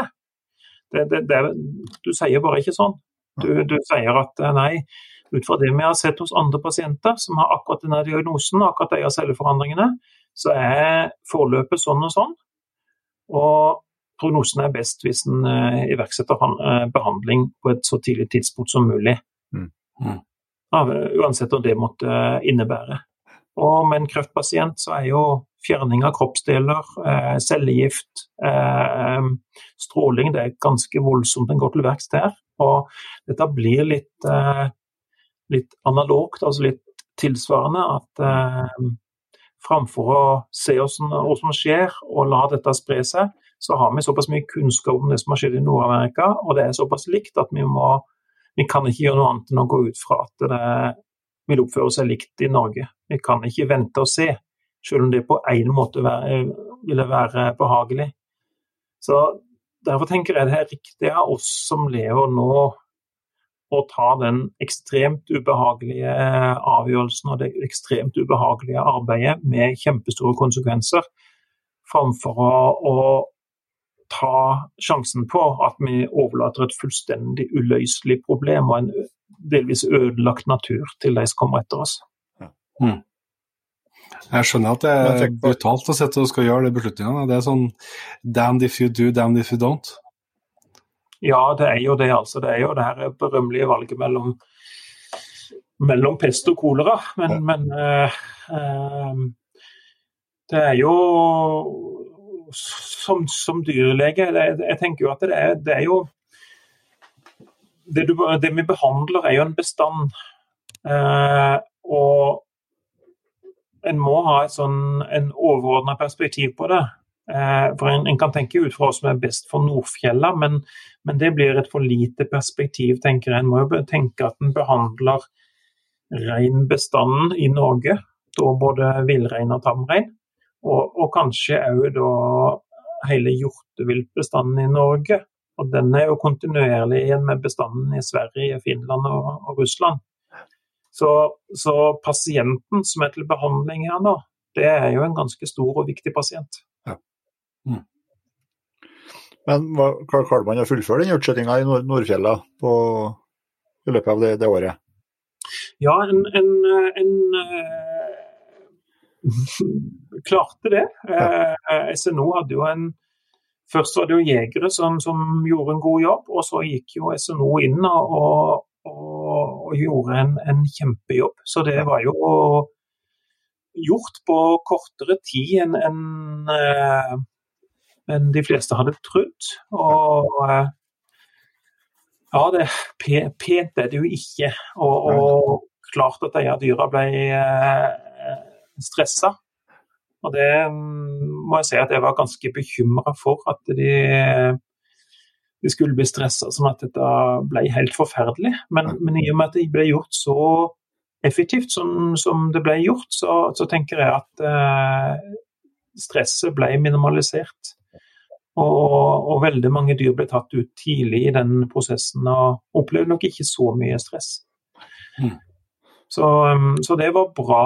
Eh, så kan en jo gruble over hvordan det skulle vært gjort annerledes. Det er jo det er jo noe en aldri har gjort før. Så det er klart at det sikkert finnes måter å, som en kunne gjort det bedre på.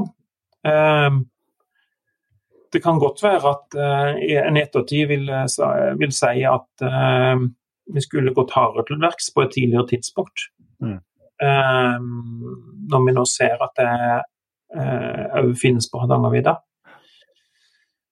Men samtidig så er vi jo vi er jo konservative, vi har jo lyst til å ha ting sånn som vi har hatt det. Ja, ja. Og, og er jo, så er jo det, jo det å eh, ha best mulig behandlingseffekt, men samtidig forvolde minst mulig skade, sånn at pasienten i minst mulig grad dør av behandlinga. Det, det, er jo det som er målet, men det er jo når en holder på med ting som en aldri har holdt på med før, så er det jo ikke så lett å vite hvor den lista skal legges. Nei. Nei, det, jeg skjønner at det er vanskelig, og det, det er jo sånn um, At man på et vis iverksetter en potensielt i hvert fall irreversibel skade for å unngå en potensielt større irreversibel skade. Mm. Um, så det, det skjønner at det uh, ikke Så, det, så det, så jo, så det, det, går ut på den avgjørelsen dere, dere har gjort, men det går jo på avgjørelser til resten av samfunnet. altså Det som at man eh, ja, Sånn som Nordfjell, at det ikke blir nedbygd f.eks. med hytta, at villreinens leveområde blir ivaretatt, selv om det ikke er noe rein der nå. Mm. Forhåpentligvis skal tilbake. sant? Altså, det er jo sånne, sånne følger som, en, eh, som et, eh, et bredere ansvar for, for enda flere. Mm. Ja, det er jo, litt, eh, det er jo viktig her. I, i denne forvaltninga så er det jo kjempeviktig at myndighetene, som da er de som heldigvis tar avgjørelsene, at de, at de ser langt fram. Og, og det, vi, det vi har eh, gjort og det vi gjør, det er jo ingen sånn quick fix. Det er, mm, det er ikke eh, sikkert dette er bra igjen om ett år eller to år. Det, det er det jo høyst sannsynlig ikke. Og det er heller ikke sikkert at det er bra om fem år eller ti år. Men, men det kommer jo folk etter oss. Um, og og eh, vi må tenke i et veldig langt eh, perspektiv. Men da gjelder det jo altså Vi ser jo det med, med reinen, at den trues fra mange hold, og at den takler dårlig vår eh, moderne verden med mye aktivitet i fjellet og mye utbygging av veier og dammer og, og, og hytter. Så, så det er jo viktig at en har en sånn helhetlig forvaltning og en som tar, tar vare på, på dyra og naturen. Mm. hva, hva er det, altså, du satte den, den komiteen eh, som var med som en, en av flere rådgivende parter. Men eh, hva er det som til slutt gjør beslutninga Ja, eh, Når det gjaldt uh, utryddinga av reinen på Nordfjella, så var det landbruksministeren som, som eh, tok den eh, avgjørelsen. Etter da innspill fra, fra Mattilsynet og, og eller Miljødirektoratet. Mm. Så, så den rapporten og de rapportene jeg har vært med på, det, det er på en måte kunnskapsgrunnlaget for at, eh, at politikerne tar avgjørelser. Sånn som vi Mm. gjør det i Norge, og sånn som jeg syns er et godt system. Etter å ha bodd litt i Sverige og sett eh, at i koronapandemien så, så har de andre måter å ta beslutningene på. Det er jo, det er jo mye, sammen, har det er mye sammenligninger mot, eh, mot den eh, runden som vi har hatt med, med korona og det her. da. Også både på hvor, når man må gjøre beslutninger og på hvilket grunnlag, og, og hvordan Ja. man ikke minst hvordan man gjør dem. Så Ja, det en, fått ser jo det der òg, at dette med, med og sykdomsforvaltning, det, det er vanskelig. Eh, en av de tingene som er veldig vanskelig, det er jo det at eh, med en gang en får en viss, en viss suksess med forvaltninga, sånn som en har hatt i Norge, så, så eh, oppfatter folk det som at problemet er vekke, og at en kan senke garden. Og så, eh, så må forvaltninga stramme inn igjen. Så det er, det er veldig vanskelig det å holde på med sånn eh, eh, branner som ikke ryker. Det, um, for det er, det er så vanskelig for folk å, å, å forstå at problemet er der, selv om de ikke kan se det. Det er klart, det. Det er klart, det. Og så lurer jeg på også da med eh, Hardangervidda det er jo selvsagt en sånn klump i magen til, til alle som er, er glad i både rein og, og natur og, og jakt og friluftsliv. Eh, Hvilke erfaringer hva tar dere med dere fra det som, det som skjedde på Norefjella, og inn i den prosessen som pågår der? Da? Altså, hva, hvilke læringspunkter er, er nye og, og viktige for dere i, den, eh, i de vurderingene som gjøres der? Vi har jo en god del mer kunnskap. eh, Det har vi. Men eh, samtidig så er det jo en veldig annerledes situasjon. Eh, Hardangervidda er mye større. Det er en mye større andel av, av reinbestanden. Mm. Um, så det er, sånn, det, det er et vanskelig spørsmål. I Nordfjella så har vi vært veldig opptatt av, av salteplassene, og det mm, er, er fortsatt det. Jeg mener at eh, de her salteplassene eh, kan tenkes å, å ha vært viktige for at en får utbrudd og spredning av denne sykdommen. Ja. Så det, det, håper jeg iallfall at en, en, kan ta litt grep rundt det med salteplasser. Og, og eh, få andre måter å gjøre dette med salttilførsel på som, som eh, ikke gjør at du får den situasjonen at, eh, at reinen går og, på salteplassen og eh, stikker og spiser i seg urin og møkk fra andre dyr fordi at eh, jorda smaker så godt. Mm. Men Hvilke tiltak er det som er gjort på Hardangervidda per, per dags dato? Ja, det, det, det en forsøker på, er jo å få til en bestandsreduksjon. Ja. Og, og, spesielt av bukkene. Og det tjener jo to formål. Det, det ene er jo at, eh, er jo at en, en eh, får eh, færre dyr.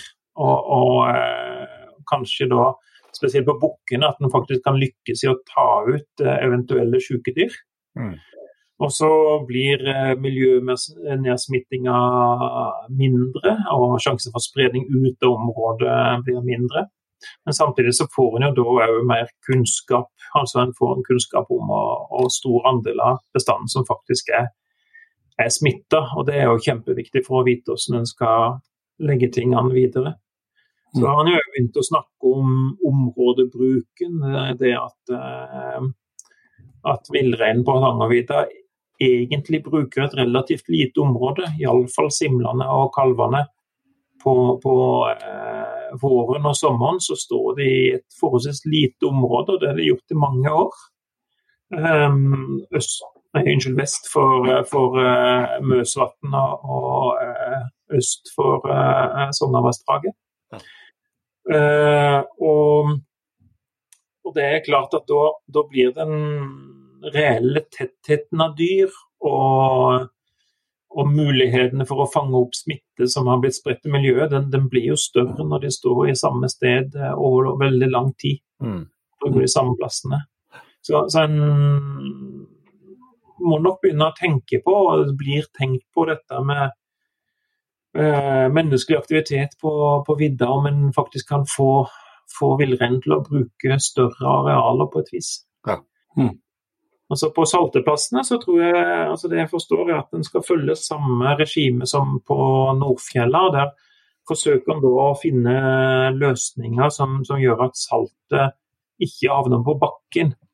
For det, Salt i seg selv er, er, jo ikke problemet, men det at, at eh, saltet blir spredd utover på, i bakken, og der samler dyra seg, og de sprer urin og møkk, og så har du plutselig et sted med veldig mye næring i bakken. Du har plantevekst rundt der, du har eh, salt, eh, vanlig koksalt, og du har jo mange andre stoffer som endrer seg, og som kan gjøre det veldig gunstig tilsynelatende for, for dyra å få i seg, få i seg jord.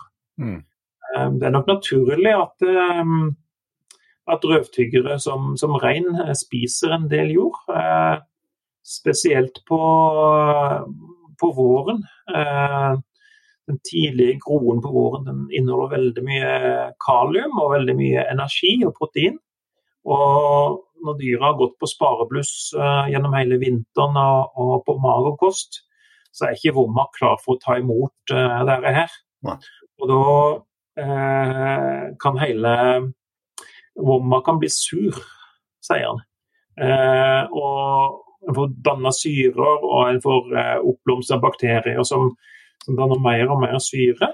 og Så blir det absorbert til blodet, og så, og så kan rett og slett dyra eh, daue av, av, det som man kaller for acidose, altså at eh, blodet blir for surt. Eh, så dette må dyra motvirke. Og, og, en måte de kan motvirke det på, det er å ete jord. Og den jorda som finnes på salteplassene, den er da òg full av, av ulike salter, eh, som gjør at det kan være veldig effektivt å ete akkurat den jorda. Eh, og der finner du òg eh, mye fosfat, som, som, kan være bra med tanke på dette hvis gevirgnaginga er uttrykk for at de mangler fosfat, som det ofte kan være. Så er det mye fosfat på salteplassene. Eh, og du har eh, magnesium, Eh, og det, er et kjent problem for storfebønder som har dyra sine på veldig godt beite, at de kan få magnesiummangel pga. at kaliumet konkurrerer med magnesium i vomma. Og da kan disse dyra daue akutt av noe som en kaller for gasskrampe. Så, så, det er mange grunner til at spesielt om våren så, så eh, kan det være reinen syns at de her salteplassene er helt fantastiske å ha der.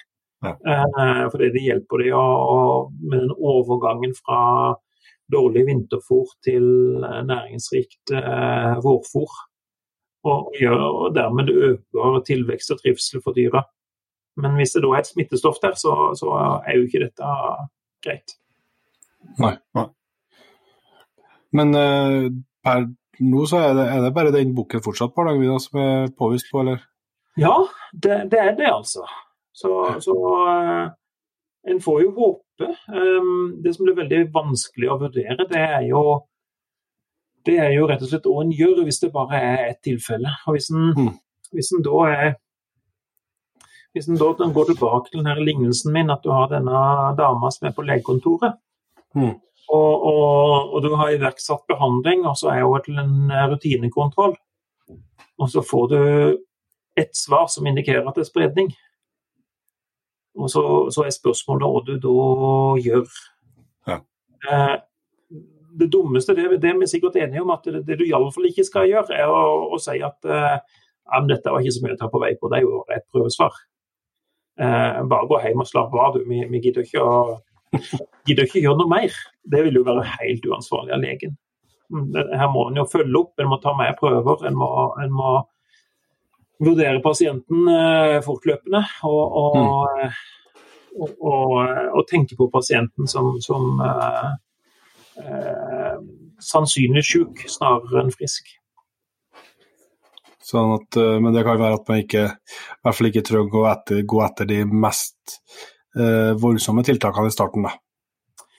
Nei, det er jo det som er spørsmålet. Det, det, kommer litt an på det kommer litt an på hvordan du tenker. Det kommer litt an på, som jeg var litt inne på, hvem er pasienten. Mm. Um, og, og, så kommer det jo veldig an på hva en, en nå finner. Uh, når en, når en uh, undersøker uh, flere dyr. Mm. Og er det jo sånn at sånn som situasjonen har vært på Hardangervidda, så, så, kan det jo være gunstig på flere vis med en, med en bestandsreduksjon. Så så det, det, skal bli litt spennende å se på, på flere måter hvordan det vil påvirke dyra. Om, om det over tid òg kan gi en bedring av, av kondisjonen. For kondisjonen eh, på, hos villreinen på Hardangervidda den, den, er jo ganske dårlig i forhold til andre villreinbestander. Mm. Så vil jeg tro at det, det er mer lignende dere, så Hardangervidda er, er et kjempestort område med med mange tusen dyr i forhold til i forhold til f.eks. For Nordfjella? da? Ja, det, det er jo det. Ja. Det, det, er et komplisert område, det er et viktig område, ja. og, og, det er en stor andel av villreinbestanden. Ja. Og så er det bare funnet ett positivt dyr. Men, men det er jo et, et desperat behov etter å, å vite og, og, eh, mange dyr som faktisk kan være infisert. Og spesielt når det gjelder eh, simlene, så, så har den jo egentlig undersøkt uh, få simler ja. um, i forhold til bukker. Det, det er ikke mulig å ta testa, bedøve dem og ta tester uh, ja. mens de er bedøvd? Det er mulig, men det vil jo bli røre. Um, ja. og, og, så, så altså hvis en Da måtte en jo gjort det med helikopter. Mm. Og så testene en ville brukt, det vil ikke være så sikre som, som, eh, som, en test som er gjort på et dødt dyr. Det vil den ikke. Men en måtte jo kjørt etter flokkene med helikopter og bedøve, og så tatt prøver. Men det vil jo være altså Hvis en skal gjøre dette på mange tusen dyr, da en vil jo De vil jo kanskje krepere av stress etter hvert. De vil jo aldri få ro. Og det vil jo være et, et vanvittig inngrep mot uh, villreinen. Til erfaringer i, i Nina um, på dette, uh, når en har uh, flydd på villreinflokker flere ganger etter hverandre, er jo at de, de, de lærer å bli skremt fortere og fortere. Så, så når du, de oppfører seg relativt rolig første gang du flyr over dem, men når du har flydd over dem én gang og flere ganger, så, så, blir de bare mer og mer redde og begynner å, å, å springe som gale eh, med en gang helikopteret kommer. Mm. Så, så, um, så, det å skulle prøveta mange dyr, det må en nesten se på som uh, umulig både praktisk sett og dyrevelferdsmessig sett. Mm. Jeg ser jo sånn uh, jeg, jeg, tror jeg vet hva si her på det, men det, det er jo et sånn filosofisk spørsmål kanskje mer enn noe annet. Altså med hvis uh, en sykdom som av naturlige årsaker dukker opp i, i naturen, eh, hvordan rett vi har, eller eh, om vi burde gripe inn altså, i, sånn, i et overordna bilde. da. Eh, det, det, det, det, litt, altså går også litt inn på du, du, den analogien du brukte med, med, pasienten til doktoren. Eh, det er altså om vi, eh, hvis vi mener vi, har, mener vi har løsninger som kan, kan bidra til å løse problemet, så, så, men, så det, det, er jo en sånn vanskelig sak, syns jeg. Det må jeg jo innrømme. Mm. Um, og det uh, For det, det, er litt samme, samme pest eller kolera-tanken. Liksom at uh, hvis det er naturlig, så er det naturlig, og da bør vi la det skje. Mm. Men samtidig så, så, utsetter man potensielt da, veldig mye dyr og, og andre både rettighetshavere og, og, folk som er glad i dyrene av forskjellige årsaker. Um, og for belastninga hvis hvis det slår helt feil, den, den uh, mulige naturlige årsaken. Da. Ja, en, en, en, gjør jo det, altså. Det, jeg tenker litt, nå er jeg er dyrlege, så dette å behandle dyr er jo ganske nærliggende, eller, nærliggende løsning for, for, for min del. Um, og, og, og, i denne sammenhengen så er jo det med, med bestandsregulering en, en, en, behandling, i tillegg til en overtaking. Eh, jeg tenker jo litt det at de hjorteviltbestandene vi har, de, de er, de er gjennomforvalta. Vi forvalter mm. ut ifra beitegrunnlag, vi forvalter ut ifra eh, kjønnsbalanse. Og, mm. og uh, gjennom jegernes seleksjon så forvalter vi faktisk en god del på, på utseende og, og atferd òg. Så, så, ja, de er, de er ville dyr, men, men Uberørte er de ikke. Det er gjennomforvalta. Og så kommer det en sykdom, og, og, vi vet jo ikke, men hvis jeg skulle eh, satsa pengene mine på om, om, menneskelig påvirkning har en rolle i at denne sykdommen har, finnes der eller ikke, så ville jeg satt, eh, satt pengene mine på at eh, vår påvirkning har en, mm. eh, har en finger med i spillet. Og Da tenker jeg at vi går litt mer i retning at, eh, at vi har litt eh, plikt til å forsøke å ordne opp for oss i, i, en, i en, verden der eh, hjortedyra er voldsomt påvirka av alt vi gjør, både, både mm. lokalt og, og, og globalt. Mm. Og, så, jeg, så, jeg, tenker vel at kan vi gjøre noe, så, så, så eh, syns jeg at vi har en plikt til å gjøre noe. Eh, selv, om selv om jeg òg tenker at, eh, naturlige prosesser uh, kanskje skal gå som de skal. Den skal ikke så et rovdyr som, som angriper et byttedyr, så, så så finner ikke jeg på å forsøke å stoppe det eh, rovdyret. Hauken får, eh, hauken får lov til å spise fugler på fuglebrettet mitt. Mm.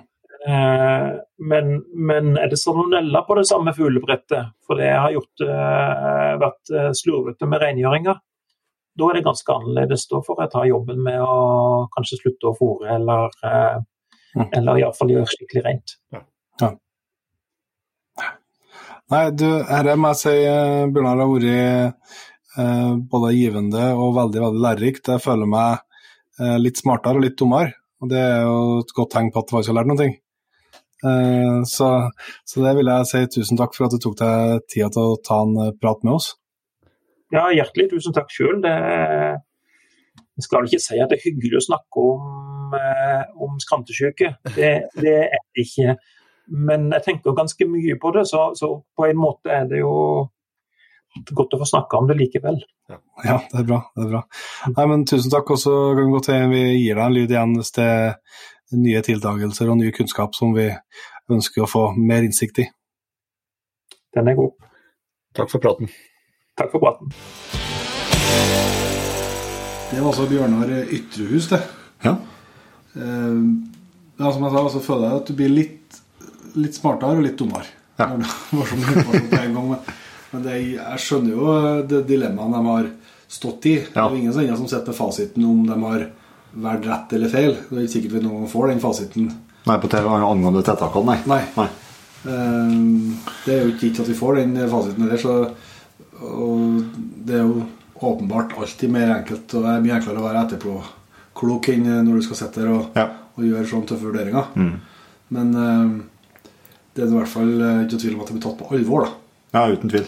Så da må jeg si skryt til Tom Bjørnar, for jeg syns han gjorde en veldig god figur. Ja. Det er lett å gjøre det forståelig. Ja, For oss som ikke Har så mye vekt. Nei, det var artig. Så får vi være på ballen hvis det, når det kommer mer nytt om eh, skrantesjuke i landet. Yep. Men eh, da skal vi begynne å, å runde av eh, dagens episode. Og det skal vi selvsagt ikke gjøre uten å eh, ønske nye medlemmer i P3-laget velkommen. Det har jo kommet ei herlig liste der i, uka her, gitt. Det har det. Vi må jo si at Vi håper at den eh, svarte smart i episoden som vi var litt, uh, litt klar opp med før, men, uh, Ja. men uh, runding. Det håper jeg. Det virker jo sånn på tilbakemeldingen i hvert fall. Ja, absolutt. At den falt i smak. Og så eh, er det jo sånn at eh, nå er det jo snart månedsskiftet, så detter vi litt igjen og kommer en del tilbake. Men eh, nå er det faktisk bare rett i overkant av 100 stykker som mangler i P3-laget. Ja. Før at vi skal trekke ut eh, den eh, heftigste premien kanskje i Jegerpodens historie så langt. Hvis, eh, da skal jo en hellig P3 et helt år få kjøre rundt i en flunka ny Toyota Hilux med hundekasse og full Jegerpodden edition. Det gjør vi i et samarbeid, et spleiselag med Nordvik. Så hvis du har tenkt å bli med i jaktlaget og lyst til å få med den trekkinga, eller at du har vært medlem og kanskje har kortet gått ut, eller hva det skal være, så eh, må du ikke det er sommer nå. Plutselig, plutselig kommer jeg. ja, plutselig kommer jeg. Jeg har hatt ganske mange telefoner og meldinger og greier eh, når vi skulle trekke ut plasseren. Ja. Med farska jeg rakk ikke. Altså, jeg rakk ikke, for han har vært i månedsvis. så drar det ikke. Så, så det kan være grunn til å henge, hive seg rundt nå hvis du har lyst til å både støtte jobben vi gjør, men også lyst til å få med deg den trekkinga der blant andre. da. Men da tror jeg vi starter øverst på lista og sier tusen hjertelig takk til Jon Gunnar Hoås, Andreas Hovstad, Lena Kristine Alte, Espen Skaue, Nina Kaasen, Sondre Fagerli Øy, Ronny Hansen, Sigbjørn Sande, Per Kristiansen, Erik Nybrot, Lars Hansen, Kjell Morten Bjørnås, Vidar Sted, Trond Aasegg, Espen Hansen, Bård Solli Rimstad, Benjamin Berg Vollan, Charlotte Martinsen, Jørund Berg, Atle Torgeir Sandøy, Jon Kvernmo, Jørgen Thoresen Tanoneset, Martin Amundsen, Jørgen Elstad, Thomas Isefjær, Gustav Strand, Espen Skjoldberg, Nils Inge Bjerkeås Bjerkenås, Peder Høen, Jan Tore Myrvang Kjos, Simen Gjelsvik, Iver Bones, Stian S. Osen, Anders Refseth, Stian eh, Heiskel, Kai Arne Bøkshot Knutsen, Christian Flølo, Magne Olsen, Ole Andreas Jørgen Tunsør, Tarald Kvåle. Tusen hjertelig takk til dere, og selvsagt til hele P3-laget, som snart da kanskje nærmer seg 3000 medlemmer. Må være Norges største jaktlag, eller? Jeg tror det må være det. Ja, så det er helt fantastisk. Så, eh, sjekk gjerne ut jegerpodden.no. Der finner du alle episoder, alt innhold. Du finner eh, nettbutikken, Ja. som er stadig i bruk. Og eh, så tror jeg vi bare sier som vi bruker til neste gang. Vi høres. Og skittjakt. Ja, jakt og skjøt.